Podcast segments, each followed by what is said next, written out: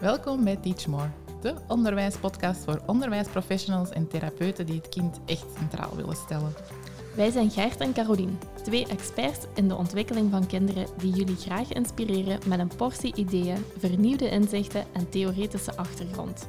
Waardoor jij je passie voor onderwijs en kinderen weer helemaal voelt aanwakkeren en op maandagmorgen met bakkengoesting uit je bed springt. Hallo en welkom bij een nieuwe podcast. Vandaag laten we jullie kennis maken met Sanne. Sanne, kan jij jezelf eventjes voorstellen voor onze luisteraars? Ja, hallo, ik ben dus Sanne. Ik uh, ben 36 jaar. Ik woon in Genk en um, als hoofdberoep werk ik op het CLB. Ik ben psychopedagogisch werker, waar dat ik zowel met uh, kinderen met kleutertjes, lagerschoolkinderen en uh, jongeren vanuit het secundair werk. En daar ben ik vooral bezig met het stukje leerproblemen, leerstoornissen, ontwikkelingsstoornissen. Um, en daarnaast ja, werk ik dan ook nog voor schrijfdans en uh, een stukje ook nog dat ik af en toe kinderriemen doe. Kinderen wat? Kinderriemen. Dat is kindjes schminken. Als een tijger, als een vlinder, een prinses. Ja, en je doet dat supergoed, hè? Ja, ik weet het niet. Caroline is graag eens prinses en dan kan Sanne daarvoor. Ah, wel, dat is goed. Ik zal van u volgende keer een prinses maken. Heel zeker. Van mijn kinderen heeft ze al eens een paar draken gemaakt. Daar was niet veel werk aan. Nee, nee. Uh, maar het is, uh, het is altijd heel leuk afgewerkt. Hè. De kinderen maken er dan zijn blije gezichtjes en zo. Dus um, ja, dat is super. En ik denk dat je daar zelf ook heel blij van wordt. Hè? Absoluut. Ik vind het geweldig om die snoetjes dan in de spiegel te zien kijken. Hoe blij dat ze zijn als ze ja, een mooi gezichtje hebben. Ja, absoluut. Zeg, en um, voor de rest bij het CLB. Mm -hmm. um, hoe komt een CLB-werker bij Teach More terecht? Goh, goeie vraag. Caroline is uh, al een tijdje een vriendin van mij en ik hoorde Caroline heel vaak vertellen over schrijfdans, over de andere dingen die Teachmore doet. Um, en ik vond dat altijd wel heel boeiend, uh, ook wat ik wel in het CLB uh, tegenkom regelmatig. Uh, en door daar Caroline regelmatig over te horen vertellen, um, is mijn interesse daar ook wel wat in gewekt. En twee jaar geleden of drie jaar geleden ging Caroline de schrijfdansdocentenopleiding starten. En het leek mij heel interessant om die opleiding te volgen. Dus op die manier ben ik erin gerold. Ja, mooi. Dus eigenlijk heb ik je warm gemaakt. Je hebt mij heel warm gemaakt. en ja, je geeft natuurlijk een heel aantal uh, lessen bij ons. Mm -hmm. uh, dus de praktische schrijfdans eigenlijk en de kampjes doen we ook ondertussen samen. Mm -hmm. Maar heeft, het, uh, of ja, heeft de opleiding ook iets voor u betekend binnen zo het CLB? Ja, um, ik moet zeggen, voordat ik de opleiding had gevolgd, kom je zeker wel wat tegen in de kleuterklas, eerste leerjaar, waar dat je merkt van die motoriek of uh, schrijfvaardigheden lopen moeilijk, links, rechts en zo. Maar voor mij was lateralisatie linkshandig, rechtshandig. Dus eigenlijk had ik daar nog maar heel weinig know-how over. En door de opleiding te volgen en wat meer achtergrond uh, daarover te weten te komen, hoe dat, dat allemaal in elkaar zit, hoe dat, dat zich ontwikkelt, die lateralisatie, wat we kunnen verwachten, hoe dat we dat kunnen opbouwen, merk ik wel dat ik dat ook wel wat meer kan gebruiken binnen mijn CLB-werking. Um, als er kleutertjes zijn uh, waar dat de motoriek moeilijk loopt, dat ik ook wel wat vaker um, met tips afkom om dat te ondersteunen en wat meer op gang te brengen. Of ook in het eerste leerjaar als we merken van bepaalde dingen lopen moeilijk. Ik weet dat ik vroeger regelmatiger een doorverwijzing naar een logopedist deed. En dat ik nu ook wel wat vaker vanuit een andere input ga denken en al eens denk aan een doorverwijzing naar een kine die ook wat bezig is met uh, lateralisatie of schrijfvaardigheden of zo. Ja.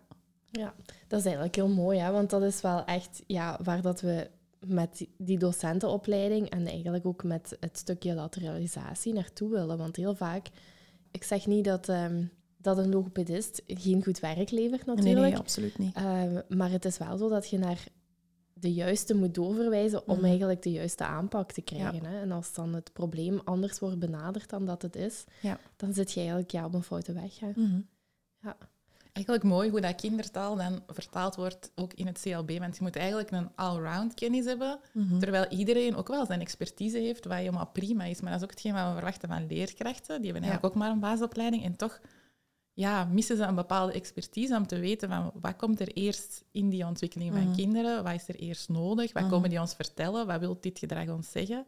Ja, dat is niet gemakkelijk. Nee, er zijn zoveel facetten in de ontwikkeling waar dat we ja, wat meer over, allee, of waar dat we bij leerkrachten verwachten dat ze daar meer over weten en, en daar iets mee kunnen om de kinderen zo goed mogelijk te ondersteunen. Maar ja, het lijkt me ook niet haalbaar voor leerkrachten om over alles iets te weten en, en alles ja, een ondersteuning te kunnen bieden. Hè? Omdat, allee, de leerkrachten hebben allemaal de beste bedoelingen en willen heel veel. Maar ja, het is gewoon niet haalbaar om, om over alles iets te weten. Nee, eh, ja, nu de kennis, de basiskennis kan er Ja, zijn van ja. iets, waardoor dat je Verdiepend dan eigenlijk, eigenlijk meer. Ja. Ja. waardoor, waardoor dat je eigenlijk je, je observatie Mhm. kwalitatiever gaat doen. Mhm. Maar inderdaad, je kunt niet bij alles dan Een een, bepaalde voilà, ja. of een aanpak. Maar het is wel de bedoeling dat je eigenlijk ja, het juiste kunt observeren Ja, ja, om dan absoluut. naar Ja. de juiste persoon eigenlijk door te verwijzen. hè, Mhm. want je kunt niet alles zelf Mhm. doen. Maar ik was eigenlijk dolgelukkig dat jij als CLB-medewerker eigenlijk in die opleiding terecht kwam.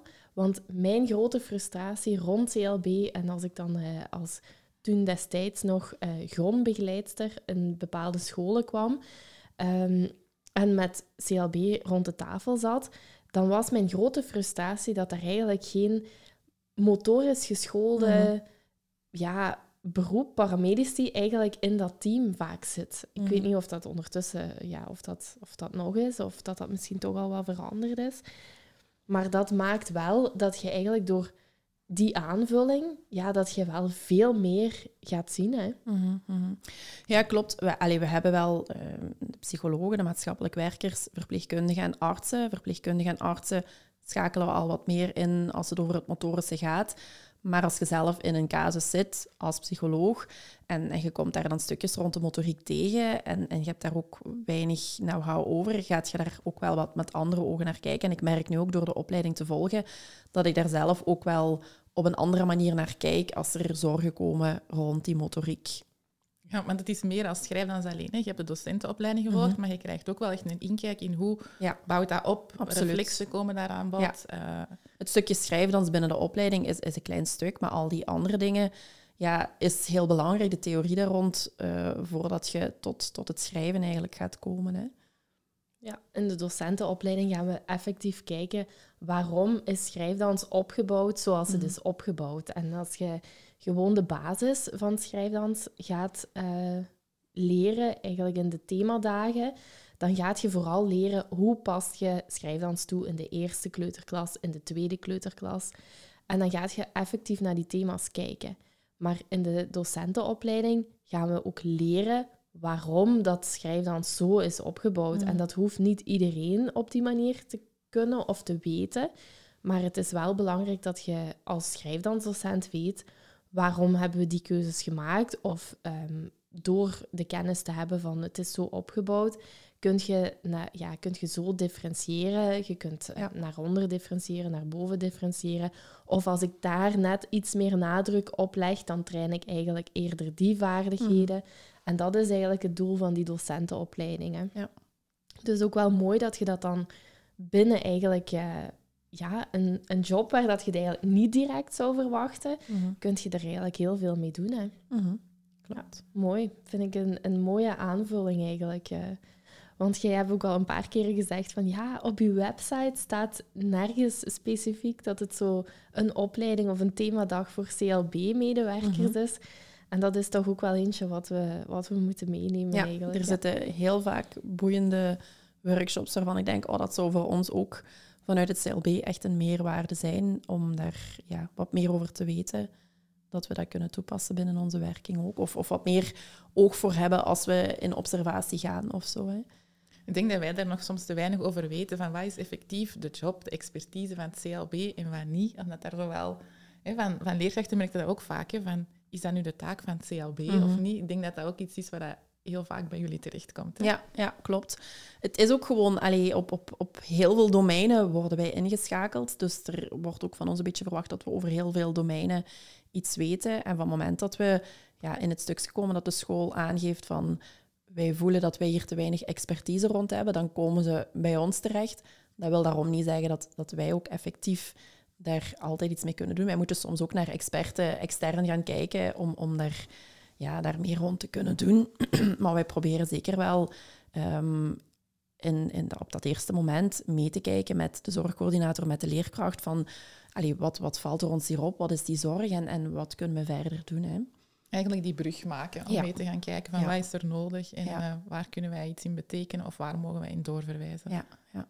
Want je merkt wel op veel scholen, er is ondertussen wel heel wat veranderd in het CLB, hoe dat vroeger was, hoe dat nu was, en dat er Mhm. soms veel te weinig, of ik merk dat, ik weet niet, Caroline, jij misschien ook, dat er te weinig die vraag gesteld wordt aan jullie. Of dat ze niet weten dat ze daarbij bij jullie terecht kunnen. Goh, we, we werken nu met een ander, allee, m, sinds een aantal jaar bij ons toch met een nieuw systeem dat we een onthaalteam hebben en een begeleidingsteam. De onthaler zit regelmatig samen met de zorgleerkracht, waar dat de zorgen beter allee, besproken worden. En als we merken van, ja, er is wel eh, verhoogde zorg nodig, dan komt dat in het begeleidingsteam terecht en dan proberen wij daar verder mee aan de slag te gaan vanuit het begeleidingsteam. Ja, het mooie aan die nieuwe werking vind ik wel dat het niet meer zo noodzakelijk is dat er een label geplakt wordt Ja, op de kinderen. Absoluut. Dat probeer ik sowieso ook altijd vanuit mijn werking zo weinig mogelijk eh, richting labeltjes te gaan, maar gewoon vanuit het kind te kijken, wat heeft het kind nodig en eh, ja, daarop proberen verder te bouwen van wat we kunnen bieden en, en wat dat er nodig is. Ja, dat is echt een zalige visie wat jullie daar eigenlijk hebben, hebben gekozen. Hè? Maar ik weet niet of ik dat mag uitspreken, maar dat is misschien ook omdat je in een regio zat waar dat de zorg wel heel erg hoog ligt. Terwijl als ik zo kijk naar regio's waar dat de zorg eerder, ja, door, door de regio eigenlijk eerder een andere zorg, of ja, een, de zorg Andere noden. ja, Mhm. niet zo hoog ligt of Mhm. niet zo veelvuldig is, eh, dat er nog niet zo wordt gewerkt. En dat, dat vind ik dan wel jammer, want jullie, ja, eigenlijk zit je daar voorloper in, in jullie regio, Mhm. denk ik. Ja, dat kan wel. Allee, ik vind het moeilijk om, om de vergelijking te maken, want ik heb daar zelf eigenlijk niet zo een zicht op hoe dat, dat binnen de andere regio's gaat. En ik kan ook vooral voor een groot stuk vanuit mijn eigen werking spreken. En daar zal ook wel heel wat verschil op zitten natuurlijk Mhm. tussen, tussen medewerkers zelf. Ik probeer zo weinig mogelijk, allee, toch zoveel mogelijk te kijken van wat heeft dat kind nodig en van daaruit te vertrekken. Ja, heel mooi vind ik dat. Dat, ehm, dat siert en dat, dat zorgt ook dat je echt een, ja, dat je kunt zien, dat je echt naar het kind kijkt. Het kind staat centraal op die manier. Mhm. Nu, ehm, de docentenopleiding die je gevolgd hebt. Nu zie ik zo bange ogen van wat gaat komen. Ehm, dat was, eh, want we hebben het ook al even met Nele over haar docentenopleiding gehad. Nu, dat was, eh, bij Nele was het nogal een speciaal jaar. Mhm. Eh, dat was zo, ja, na het eerste jaar na de coronatijd. Jij hebt eigenlijk de docentenopleiding volgens mij volop in de coronatijd Absoluut. meegemaakt. Ja. Hè? Was zo ergens een tussenfase dat we een deel online hebben moeten doen, momenten dat het niet mocht eh, om fysiek samen te komen. En dan mocht het op een moment weer net wel, dat we het dan wel fysiek deden. Eh, ja. Ja, hoe heb jij dat ervaren? Hoe vond je het? ja, ik vond dat heel interessant. Zoals ik zeg, de, de alleen know-how rond dat stukje was bij mij ja, bijna onbekend, moet Mhm. ik schuldig pleiten. Uh, maar zeker door die opleiding te volgen heb ik heel wat informatie opgedaan, wat ja, heel belangrijk is om te weten over de ontwikkeling van die motoriek, maar ook heel wat praktische dingen. En ik vond de opleiding, daar zat altijd een hele goede afwisseling in, in theorie en praktijk in. Caroline probeerde ook zoveel mogelijk tips vanuit de praktijk altijd mee te geven. En dat vond ik ook heel fijn om dan op die manier dingen zelf te ervaren. Hè? Want soms deden we wat, wat proefjes om zelf te ervaren van wat is dit nu? Uh, of hoe, hoe ervaart je dat? Um, waardoor dat je dat ook veel meer gaat opnemen. Want ik zeg, de, de, praktische dingen zijn ook de dingen die, die ik het meeste heb onthouden uit de opleiding. Um, je dus... doet ze graag, hè? zo eens even met je neus tegen de feiten. Hè? Kan je ja, ja, zo eens laten voelen hoe zo, irritant het ja. is? Zo eens echt laten ervaren van, haha, dat is wat de kinderen ervaren. Ja, maar dat zijn de dingen die je ook het meeste onthoudt. En, en ik denk, allee, dat, als je dat dan in je klas tegenkomt, dan gaat je dat ook veel sneller, allee, dan gaat je dat ook veel sneller gaan opvallen en, en ja, gaat je daar ook veel sneller mee aan de slag kunnen gaan dan louter vanuit die theorie. Het is veel moeilijker om enkel theorie mee te pakken naar de praktijk in je klas. En anders naar kijken, omdat je weet hoe irritant het Ja, is als ja. op die manier met je omgaan. Ook, als iets niet absoluut. lukt, bijvoorbeeld. Ja. Ja, ik kies er vaak ook voor om dat op die manier eigenlijk te doen. Ten eerste omdat je het dan echt zelf hebt ervaren. Omdat ze daarvan geniet. En ten tweede ja, geniet ik ervan om mijn lessen zo inderdaad op te bouwen. En jullie weten dat waarschijnlijk ook al, maar ik kan niet goed zelf eh, dingen echt letterlijk reproduceren. Iets van buiten leren en dat dan gaan vertellen. Ja, dat is eigenlijk bij mij onbestaand. Dat is gewoon ook eh, een beetje afkeer, toch?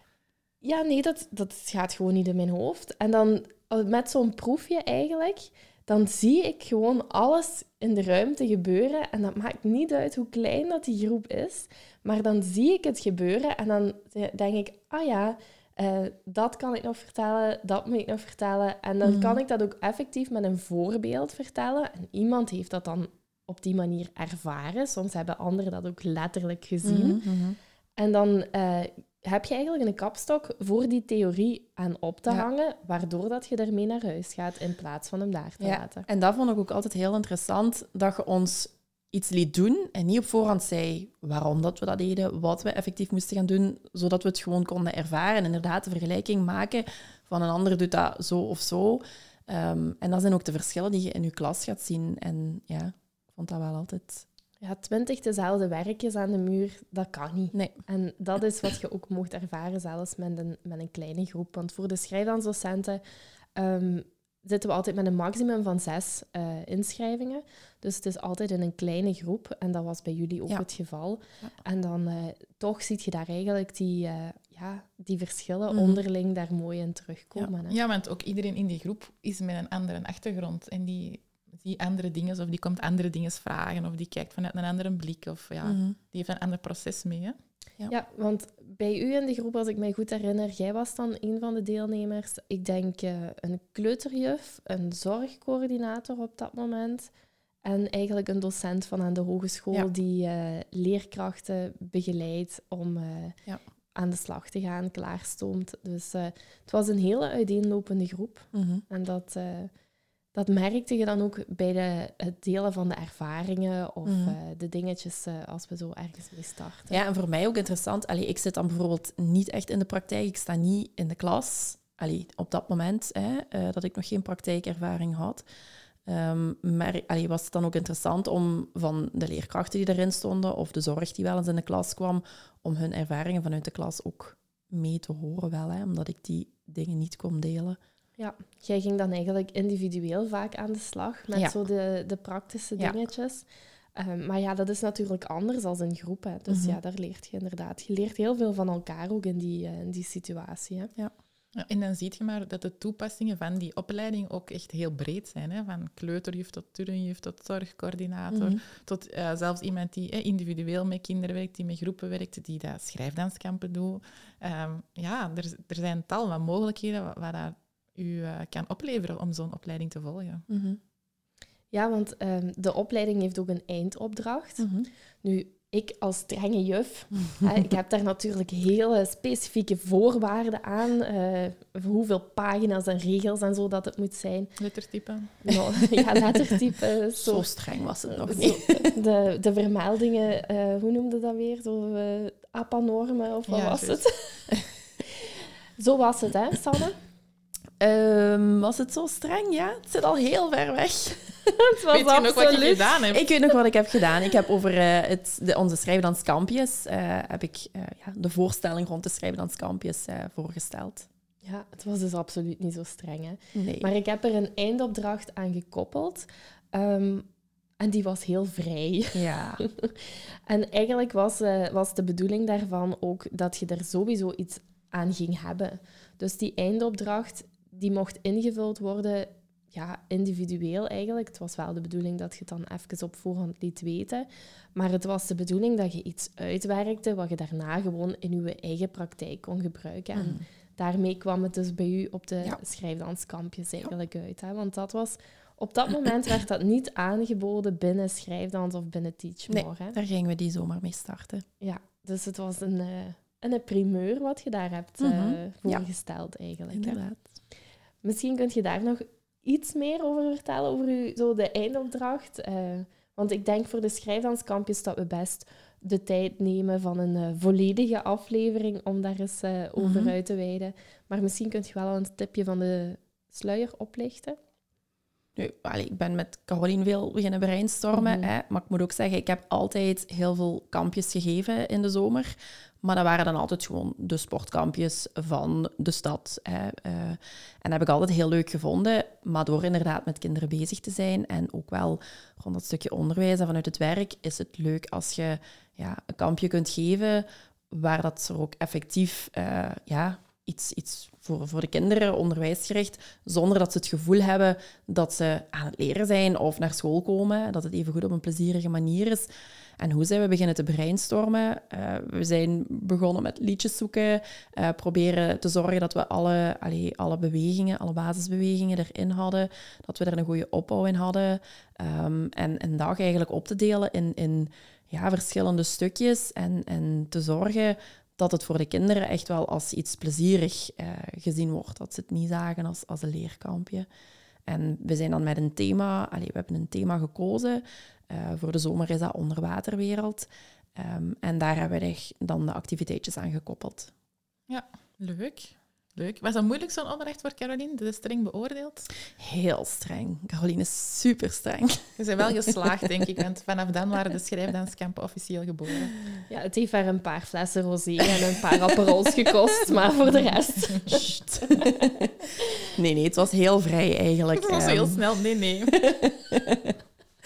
Nee, eh, allee, we hebben gewoon... ehm, iedereen moest, goh, ik weet het niet meer, was het een kwartiertje, twintig minuten ongeveer, eh, dat het onderwerp moest voorgesteld worden. Ehm, ja, ik had dat aan de hand van een PowerPoint gedaan met wat voorbeeldjes die we hadden. Ehm, dus dat is eigenlijk eh, heel losjes verlopen. Ja, eigenlijk is de bedoeling ook om u dat extra duwtje in de rug te geven om nu op dat moment effectief van hoe ga ik het nog meer toepassen dan dat je op dat moment al doet. Dus even een andere manier van oké, deze schrijfdans is eigenlijk heel breed, wat ga ik ermee doen? Mhm. En dat je dat dan kunt voorstellen aan je, aan uw groep, waardoor anderen ook weer geïnspireerd worden om op een andere manier te zien. Dat is Ja. eigenlijk de bedoeling van de opdracht, denk ik toch, Caroline? Ja, dat is eigenlijk heel mooi geformuleerd. Want ja, jij, beter als wie dan ook, kent mijn afkeer tegen beoordeeld worden. En ik voel mij dan zelf ook helemaal niet geroepen om iemand te beoordelen wat in die opleiding eh, zit. Dus het is helemaal niet het plan van, eh, van ja, je moet die eindopdracht doen en je krijgt dan een beoordeling van geslaagd of niet geslaagd. Absoluut niet. Het is eigenlijk echt ja, de schop onder je gat om ook effectief iets te doen met die opleiding waar dat je hebt gekozen om ze een, een jaar te volgen, om daar een jaar tijd aan te investeren. En wat kunt jij daar nu mee doen? Wat past het beste bij u? En eh, bij u, Sanne, was het dan de, de schrijfdanskampjes die je daar hebt uitgewerkt. Mhm. Maar bijvoorbeeld andere uitwerkingen waren ehm, van eh, de zorgcoördinator, was eigenlijk eh, de doelen ehm, in ziltaal vertalen. En dat was ook een hele mooie opdracht. En die was voor haar was, die, was dat eigenlijk heel voornaam om dat in de agenda te kunnen koppelen. En was dat een heel mooie uitwerking. Ehm, zo is er ook, ook eens eh, de uitwerking gekomen. Ah, en Nele bijvoorbeeld, die heeft een observatie eh, formulier gemaakt van wat kan ik eigenlijk allemaal gaan observeren binnen zo'n schrijfdansles. En dat is ook de bedoeling dat als er zoiets wordt uitgewerkt van kijk, ja, dat kan effectief geïntegreerd worden in onze schrijfdanswerking die er al is. Dus als iemand zoiets heeft van ja, voor mij is er niet echt iets nuttig, dan kan er ook wel een vraag van mij of vanuit de organisatie komen van kijk, op onze evaluatiepapieren staat heel vaak eh, het zou fijn zijn als dat er nog was, of het zou fijn zijn als dit er nog was. Want dat zijn wel feedbackmomenten die wij, of ja, feedback die wij eigenlijk ontvangen en waar dat dan op dat moment iets mee gedaan kan worden. Ja, en het fijne is ook dat jij als expert wel kunt gaan aanvullen of nog kunt gaan opentrekken van oké, je hebt dat zo aangepakt. Misschien is het zinvol om eens naar dat te gaan kijken. Of heb je daarover nagedacht? Of heb je dat er bewust uitgelaten? Of zou er misschien nog bij kunnen? Ja. Ik denk dat dat ook wel een heel mooie aanvulling is. Want je start alleen. Als je dat dan deelt in de groep, komen daar ook sowieso nog dingen uit. En als dan die expertise van u erbij komt, ja, dan heb je wel echt zoiets van oké, ik heb een volledig pakket. En daarmee kan ik aan de slag. Ja, heel zeker. Want onze schrijfdansdocent die staat eigenlijk onder jaartraining. Ehm, maar de coaching die daarin gegeven wordt, is ook wel... Het is de bedoeling dat er iets gedaan wordt en, en dat je wel groeit als persoon en ook dat je groeit in je beroepspraktijk, hoe dat die dan ook op dat moment is. Het transformatiestuk mag ook wel effectief benoemd worden. Ja, dat is zeker waar. Ja, zoals Sanne al zei, het is meer als gewoon de lessen of de boekjes die er bestaan allemaal te doorlopen. Dat is Mm. maar een, een gedeelte van de Absoluut. opleiding. Hè? Ja, absoluut. Ja, het is ook echt een verdieping, want daar ligt echt niet eh, eh, de, de thema's die we effectief samen hebben gedaan. Dat was dan vaak één thema Ja. om dan eigenlijk de theorie eraan op te Ja. hangen. Maar het is niet zo dat je in de schrijfdansdocentenopleiding dat je daar alle thema's Nee. gaat doen. Daarvoor zijn onze themadagen Mhm. eigenlijk. Mhm. Dus de themadagen zijn eerder aan de oppervlakte. We gaan de thema's overlopen. En de schrijfdansdocentenopleiding, die geeft echt de verdieping. En daarom ook, ik denk dat het eh, gelijk zo een, een zorgcoördinator of een kleuterjuf die die hele opleiding gedaan heeft, dat is zeker ook een meerwaarde voor de school, want die, kun, die kunnen eigenlijk ja, de hele ontwikkelingslijn van het schrijven en van het materiaal dat er gebruikt wordt, bij welke grepen kunnen die eigenlijk helemaal gaan aanpassen en fine-tunen binnen een school. Ja, je ziet ook vaak dat die dan bijvoorbeeld de werkgroep rond motorische ontwikkeling of zo ja, wat gaan leiden of wat, hè, het voortouw gaan opnemen. En dan bijvoorbeeld, zo'n, zoals Wendy zo mooi had verteld, een schrijfdanskast of schrijfdansruimte gaan inrichten en dan zo gaan zien van welke, hè, voor welke leeftijd gebruiken we welke materiaal of voor welke doelgroep, want dat is niet leeftijdsgebonden. En dan zo, ehm, ja, dat er toch iemand de rode draad meegeeft. Hè? En ik denk dat, want dat hoorde ik u in onze voorbereiding ook zo even vertellen, van ehm, de tips die je nu kunt geven als leerkrachten eigenlijk eh, signaleren van ja, die kan de pengreep nog niet Mhm. en het is al in het laatste kleuterklasje of in Mhm. het tweede kleuterklasje. Mhm. Ja, dan, dan krijg je ook wel handvaten van naar die materialen Ja. toe. Hè? Dan voel ik nu wel inderdaad dat ik vanuit het CLB ook wat sneller tips kan geven als dat dingen zijn waar leerkrachten mee afkomen. Ja. Want ik kan mij voorstellen, als je zo ja, op het einde van de derde kleuterklas, ja, als ik me die overgangsgesprekken herinner, dat gaat er heel vaak over van oei, eh, die heeft nog geen handje gekozen, Ja. of die kan niet knippen, of die kan niet, eh, die heeft zijn pengreep nog niet. Mhm. Ja, dat is heel vaak zo een soort van paniekmoment. Mhm, Hè? mhm. Klopt, ja. Lukt het u nu voor dan dat gemakkelijker eigenlijk een plek te geven? Voor mezelf wel. Je voelt wel dat de leerkrachten daar wel nog wat rond panikeren. Want ja, die gaan naar het eerste leerjaar en moeten leren schrijven en hebben dan een handvoorkeur nodig. En, en dus die paniek bij de leerkrachten voelt je wel. Nu, je merkt wel dat het al eerder in het jaar meestal gemeld wordt, waardoor dat er al eerder in het jaar rond bepaalde dingen gewerkt kunnen worden of, of tips gegeven kunnen worden. En ehm, ja, ik denk doorheen het, er zijn heel veel scholen die al schrijvendans gebruiken en, en daar ook mee bezig zijn. Uh, maar ik denk vooral dat stukje handvoorkeur, dat dat nog wel iets is, of, of de vuistgreep, dat dat zo wat de twee grote dingen zijn waar de leerkrachten zich het meeste zorgen over maken in dat kleuterklasje, als dat er nog niet is. Ja. Hoor ik u dan ook zeggen dat eigenlijk, want er juist vertel je ook dat er zo heel veel leerkrachten het gevoel hebben van er zijn zoveel dingen die we moeten kunnen en we weten niet, meer, allez, we weten niet Mhm. alles, dat deze opleiding bijvoorbeeld, waarin beweging centraal staat, een hele mooie zou, zou zijn als rode draad, als houvast, als fundament. Want eigenlijk kun je aan die beweging heel die ontwikkeling in dat jonge Mhm. leven gaan ophangen. Hè? Mhm. Absoluut. Ik denk dat dat zeker een meerwaarde is. Ja. Ik voelde die nood van hetgeen wat jij zo... ehm, ja, je, je zei daar straks eigenlijk ook van de lateralisatie. eh, dat dat meestal een punt is. En dan nu de handvoorkeur, eh, de pengreep. Ehm, dat zijn de drie dingen waar dat ik zelf ook wel aan voelde van... mm, daar is heel veel nood aan. En onze ontwikkelingslijn, die wat gekoppeld is aan schrijfdans... Die is dan heel vaak zo ja, het struikelblok, omdat misschien een andere schrijfmethode wordt gebruikt. En daarom ook misschien een primeurtje voor nu. Ehm, is het ook zo dat ik de ontwikkelingslijn ben gaan vertalen los van een methode.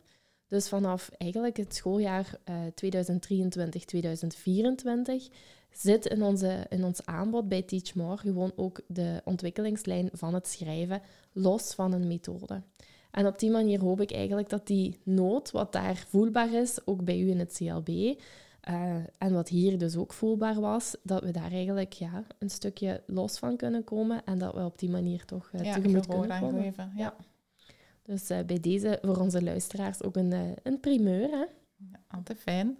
Ja, dan moeten ze niet meer denken van, oh, wij werken daarmee, dus we kunnen dat niet gaan volgen, maar kunnen wel jezelf gaan openstellen en kijken van, hoe, hoe mooi kan die bewegingstaal geïmplementeerd worden binnen onze werking. Nu, vandaag was eigenlijk eh, ook zeker het centraal punt, hè, maak kennis met Sanne. Mhm. Is er nog iets wat onze luisteraars echt van u moeten weten? Oei, er is nog zoveel. maar niet alles moeten de luisteraars Nee. Misschien nog wel een hobby die dat, ehm, interessant is voor de luisteraars, want ik denk dat je dat misschien ook wel tijdens de workshops inzet. Ik probeer wel veel te bewegen ook. Ik wandel heel graag, eh, ik fiets heel graag. Maar ik ben ook gewoon algemeen heel graag met kinderen bezig. Allee, als ik kijk binnen de familie of zo, dan vind ik het altijd wel leuk om met kinderen bezig te zijn. En dat is ook wat ik heel fijn vind aan, aan de Schrijfdanskamp, is dat ik daar effectief met de kinderen kan bezig zijn. Dus eh, En zingen? ja, ik zing ook. Ja, want we waren vorige keer bezig dat Maartje haar liedjes nog moest inzingen. En toen dachten we, ja, wij hebben eigenlijk gewoon een persoonlijk koor hier bij Teach More. Ja, dat is Maar geen solozang, hè. Ik zit in een koor. Ik zit in een popkoor. Maar het is wel zo dat eigenlijk heel wat van onze docenten eh, in een koor zitten, ja. Dus eh, jij bent daar één van. En dat is ook wel Misschien mooi. moeten we daar nog iets mee. Ja, Oei, oei. misschien op een... Ja, drie zijn het er, hè. We hebben hier net drie micro's. Wat een toeval.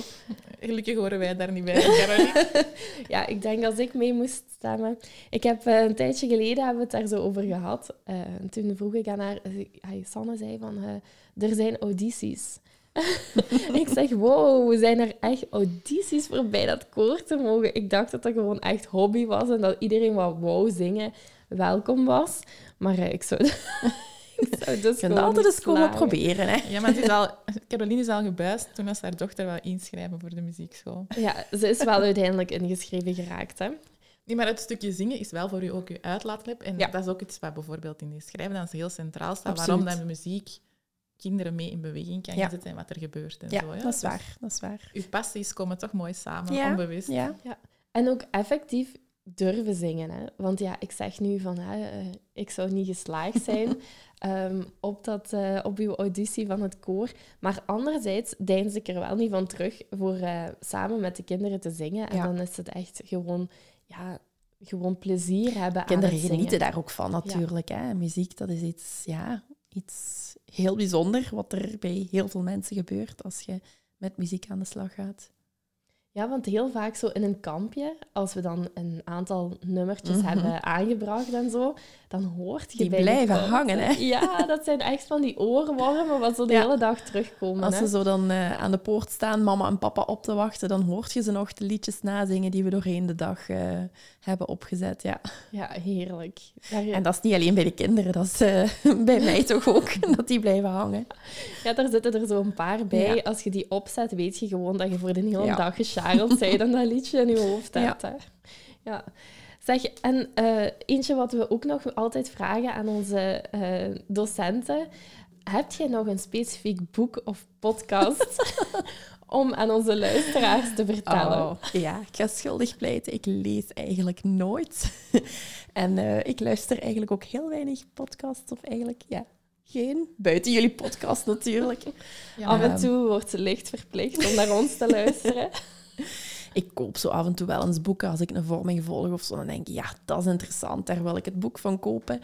En dan koop ik dat, maar uiteindelijk liggen ze gewoon thuis en doe ik daar heel weinig mee. liggen ze mooi in de kast te liggen. Wat houdt u dan tegen?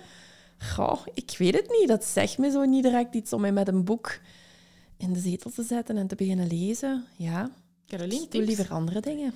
Ja, hetgeen wat ik hier nu op dit moment wel echt binnenkrijg, is zo van, ja, waarom wilt je dan dat boek eigenlijk hebben? Dat is zo'n beetje onze podcast. Ik ben ze dit weekend overlopen om, eh, om de website klaar te maken.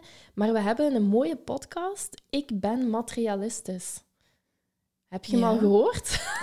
Ja, maar ik denk dan, ah, dat is interessant, ik wil daar meer over weten, ik ga dat toch lezen. Ehm, maar ja, uiteindelijk komt dat daar niet van. Of dan lees ik zo de eerste bladzijde en dan stop ik ermee. Ja, daar heb ik een tip echt voor. al die boeken, hè? ik wil ze ook altijd, maar ik herken het zo hard, hè, Sanne, wat jij vertelt. En we hebben hier zitten lachen. Deze vraag, Sanne wou die er dus niet in. Ehm, maar ik vind het zo interessant om dit te vernoemen, want ik ben er zeker van dat gewoon de helft van onze luisteraars zich gaat herkennen hierin. Dat boek, dat klinkt interessant, daar wordt over verteld. Je koopt dat dan en dan ligt dat daar. Misschien is dat gewoon omdat jullie mensen nodig hebben die dat komen vertellen. En dan moet je het kopen, moet je niet een boek gaan Ja. kopen, maar gewoon een workshop of een Ja. jaartraining komen Ik volgen. vind het altijd heel interessant om vormingen te volgen en daar neem ik ook heel veel uit op. En daar wordt ook veel meer ja, uit de praktijk verteld en, en daar kun je meer mee doen, waardoor dat je... Dat, allee, waardoor dat ik dat ook meer vastzet. Dat is gewoon ik een boek- leerstijl, ja, Ga ik een boek met Ja. pure theorie lezen, dan blijft daar bij mij weinig van hangen. Ja, dat snap ik helemaal. En dan als je het inderdaad komt halen bij die persoon, die persoon is Ja. inspirerend geweest, want anders had je dat boek Mhm. waarschijnlijk niet meegenomen. En misschien, ja, is dat een stukje wat wij hier wel, eh, wat onze missie wel is. Want in iedere workshop, themadag, jaartraining is het wel zo, en daarom is die, deze podcast ook gemaakt, daarom vinden wij het belangrijk om iedereen van het team voor te stellen. De persoon moet u liggen. En het team waarin dat je terechtkomt, dat, je moet daardoor geïnspireerd willen worden. En dat is gewoon een reden waarom dat deze podcast is gemaakt. En daarom vond ik het ook belangrijk om u toch de vraag te stellen. En als tweede tip zou ik echt wel zeggen voor mijzelf... Sinds dat ik niet meer op de eerste bladzijde begin, gaat het beter. dat is zo toch altijd het voorwoord. En eer dat dat boek dan op gang komt, zit je Ja. het eigenlijk al beu. Ja. Dus wat ik zelf doe, en dan kunnen die boeken ook nog heel lang in de kast liggen, maar als ik dan zo iets voor heb of iets tegenkom, dan ga ik dat eerder zo gebruiken, gelijk een woordenboek. Gewoon echt op het thema opzoeken en in dat eh, hoofdstuk begin ik dan of zo, maar niet meer in de eerste Ja, pagina. ik hou wel veel van lezen. En voor mij was het het moeilijkste, de uitdaging, om tijd te voorzien om te lezen. Want als ouder zijnde of als gewoon werkend, eh, dan heb je gewoon geen tijd om te lezen. En lezen is inderdaad je een tijd gunnen om stil te zitten en effectief een boek open te doen. En dus bij Mhm. mij is dat meestal s morgens vroeg, dat je dan de tijd neemt, een half uurtje of zo, om te, om te gaan lezen. En wat ik dan weer wel fijn vind, is dat ik dat op mijn eigen snelheid kan doen en niet moet wachten. Caroline lacht er bijvoorbeeld mee dat ik... ehm, eh, video's of andere dingen, audio's, eh, snelheid maal 2 doen, zodat dat iets sneller komt, dat de info iets sneller tot mij komt. Ja, het is natuurlijk omgekeerd. Hè? Als ik uw, uw audio op maal 2 zet, dan versta ik echt geen woord meer van wat je zegt.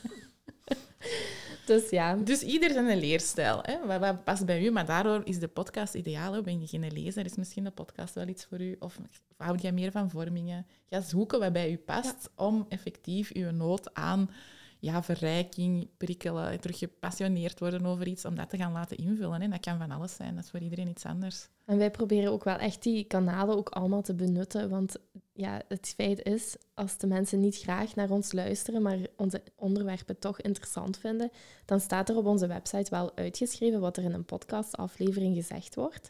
Dus wilt je gaan lezen, staat het op de website. Wilt je luisteren, dan luistert je naar onze podcast. En wilt je ons ontmoeten, dan kan dat ook. Dan kan dat hier. Ja, dus Sanne, ehm, je dacht dat deze vraag eigenlijk helemaal geen meerwaarde bood. Maar je ziet, hè, dus het is niet alleen, eh, het, en het hoeft ook niet, hè. Je hoeft daar ook geen voldoening uit te halen. Dus eh, Ja. wees maar gewoon lekker jezelf. Ga ik zeker blijven doen. voilà, als er dan niks meer aan te vullen is, dan denk ik dat we hier mogen afsluiten. Tenzij dat je nog eh, een heel dringend geheim met ons te delen hebt. Een primeur. Een primeur kan ook nog, ja. Geen primeurtjes, geen geheimen. Oké, prima. Dan willen wij u heel hard bedanken om hier vandaag met ons te zijn en eh, alles met ons te delen wat je vandaag gedeeld hebt. Dat is graag gedaan. Tot de volgende. Dag. Bedankt om te luisteren naar een nieuwe aflevering van Teach More, de onderwijspodcast. Vond je deze aflevering waardevol? Laat het ons dan weten door een review achter te laten in de podcast-app waarmee je deze podcast luisterde. Blijf je graag op de hoogte van nieuwe afleveringen? Abonneer je dan op deze podcast en je ontvangt automatisch een berichtje wanneer er een nieuwe aflevering is. Wij delen ook dagelijks tips via onze social media. Je kan ons volgen op Instagram via teach more of op Facebook teachmore. Blijf je graag als eerste op de hoogte van al onze nieuwtjes? schrijf je dan in voor onze nieuwsbrief op www.teachmore.be. Daar vind je ook ons volledig aanbod aan vormingen, workshops en teambuildings terug.